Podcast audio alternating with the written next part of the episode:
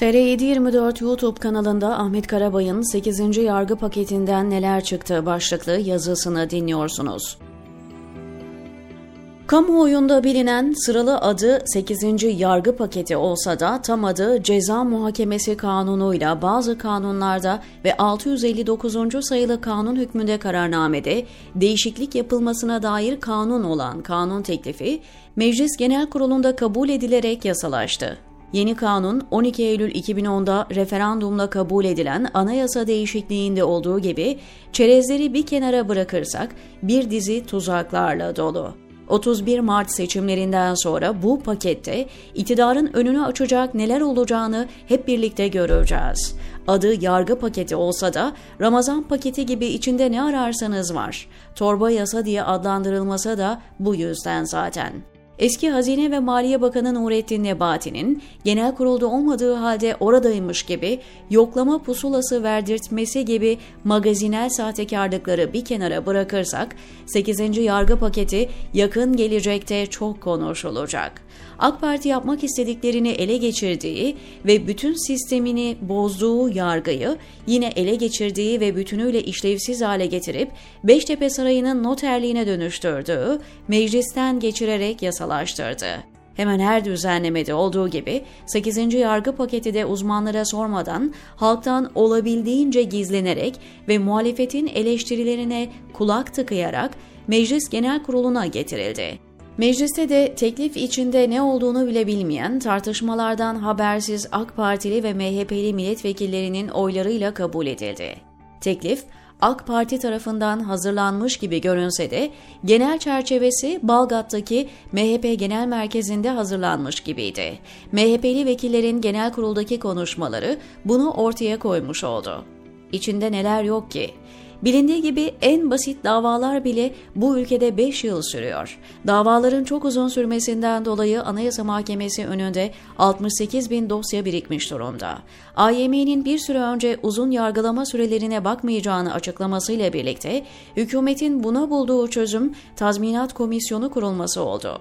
Adalet Bakanlığı bünyesinde geçici olarak kurulmuş olan Tazminat Komisyonu kalıcı hale getirilmiş olacak. Komisyon çalışıyor göründüğü sürece bir oyalama komisyonu olarak görev görecek. Bu işin daha oyalama tarafı. Bir de doğrudan Türk Ceza Kanunu'nun 314. maddesinde yer alan terör örgütü üyeliği ile ilgili hükümler var. AYM TCK 226'ya 6'yı Aralık 2023'te iptal etti. AYM bu maddenin soyut ve muğlak olduğunu belirterek daha somut hale getirilmesini istedi.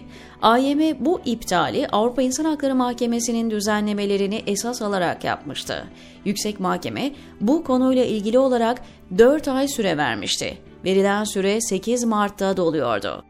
İktidar süre dolduğu gerekçesiyle alelacele bir düzenleme yaptı. Meclis Anayasa Komisyonu'nda ve Genel Kurul'da muhalefetin hiçbir uyarısını dikkate almadı. İptal edilen 220'ye 6 madde, AYM'nin talebinin tam tersine olarak 8. yargı paketiyle tekrar yasalaşmış oldu. Bu maddeyle iktidar, örgüt üyesi olmasanız bile istersen ben seni yargılarım. Bu da yetmez, örgüt adına suç işliyor musun gibi de cezalandırırım. Örgüte üyeymişsin gibi de ceza veririm, diyor. Bu getirilen hükümle toplum daha çok terörize edilecek. Hatırlanacağı gibi 22 yıllık AK Parti iktidarı ikinci yarı döneminde en büyük yatırımlarından birini cezaevlerini çoğaltma ve büyütme alanında yaptı. Muhalif gördüğünü hapse atmak, araç olarak dezenformasyon yasası adı altında yapılan düzenlemeyi işleterek bugüne geldi. Şimdi 8. yargı paketinin önünde açtığı alanla bugüne kadar el değmemiş bölgelere girişilecek. 33. maddenin ikinci fıkrasının G bendinde siyasi, felsefi, dini veya sendikal amaçlarla kurulan vakıf, dernek veya diğer kar amacı gütmeyen kuruluş ya da oluşumlar tarafından özel nitelikli kişisel verilerden bazılarının işlenebilmesi diye yer alan hükümse, kişisel verilerin korunması kanunu yapılan düzenlemelerle zaten uygulanamaz hale getirilmişti. Tıpkı şehirler arası yollarda 50 kilometrelik hız sınırının uygulanabilir olmaması gibi. Ama trafik polisi bölgede pusu kurmuşsa hız sınırını aştı gerekçesiyle ceza yağdırması gibi. Kişisel verilerin korunması kanununda iktidarın elinde istediğinde başa bela edilebilecek bir araç olarak tutuluyor. 8. yargı paketi kişisel verilerin işlenmesi ve paylaşılmasına geniş esneklik getiriyor. Getirilen bu esneme sonunda mahrem bilgilerimizin kimlerin eline geçeceğine ve ne amaçla kullanılacağına ilişkin hiçbir bilgimiz olmayacak.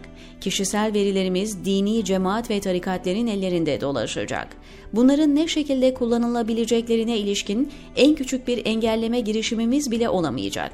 Çünkü bu cemaat ve tarikatler yasanın kendilerine verdiği yasal altyapıyla bunları elde etmiş olacaklar.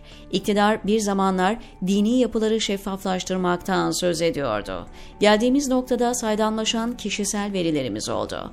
O hal kapsamında uygulamaya konulan kayyım uygulamasında da bir dizi yeni düzenlemeler yapılıyor. Yasalaşan yargı paketiyle TMSF tarafından el konulan şirketlere atanan kayyımlara giydirilen sorumsuzluk zırhı yeni hükümlerle güçlendiriliyor. İktidarın seçim sonrasında yeni el koymalara hazırlanıldığı muhakkak görünüyor. Yapılan düzenlemelerle mala el koyma ekstra kolaylaştırılmış olacak. Kayyımlara giydirilen bu yeni zırhlarla birileri mala çökmelerle zenginleştirilecek, servetin el değişimi sağlanmış olacak. Zira kayyımlara dokunmama ve yargılanmama garantisi getiriliyor. TR724 yazarı Adem Yavuz Arslan soruyu tam da sorulması gerektiği gibi sordu. Gülen cemaatine gönül vermiş iş insanlarının el konulmamış malı kalmadığına göre bu hazırlıklar başkaları için olmalı. 8. yargı paketi adaleti yücelten değil, ayaklar altına alan bir düzenleme olarak ortaya çıktı. İnsan hakları paketi hazırlıyorum diyenler, ayakta kalan hukuk devletinin birkaç uygulamasını da paketleyip bir kenara atmış olacak. 8. yargı paketi bir aldatmaca girişiminden başka bir şey değil. İçine konulan kamuoyuna yönelik bir iki düzenlemenin ötesinde topluma tuzak paketi olarak anılacak. Adaletin olmadığı yerde yargı paketinin çıkmasının bir anlamı olmayacak.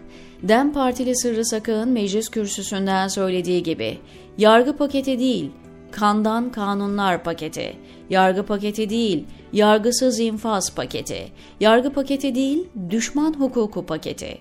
Kafes içinde muhabbet kuşlarının hüzünlü duruşunu gören Yılmaz Erdoğan'ın söylediği gibi, kafesler ne kadar normal geliyor içinde yaşamayanlara, diyor Ahmet Karabay TR724'deki köşesinde.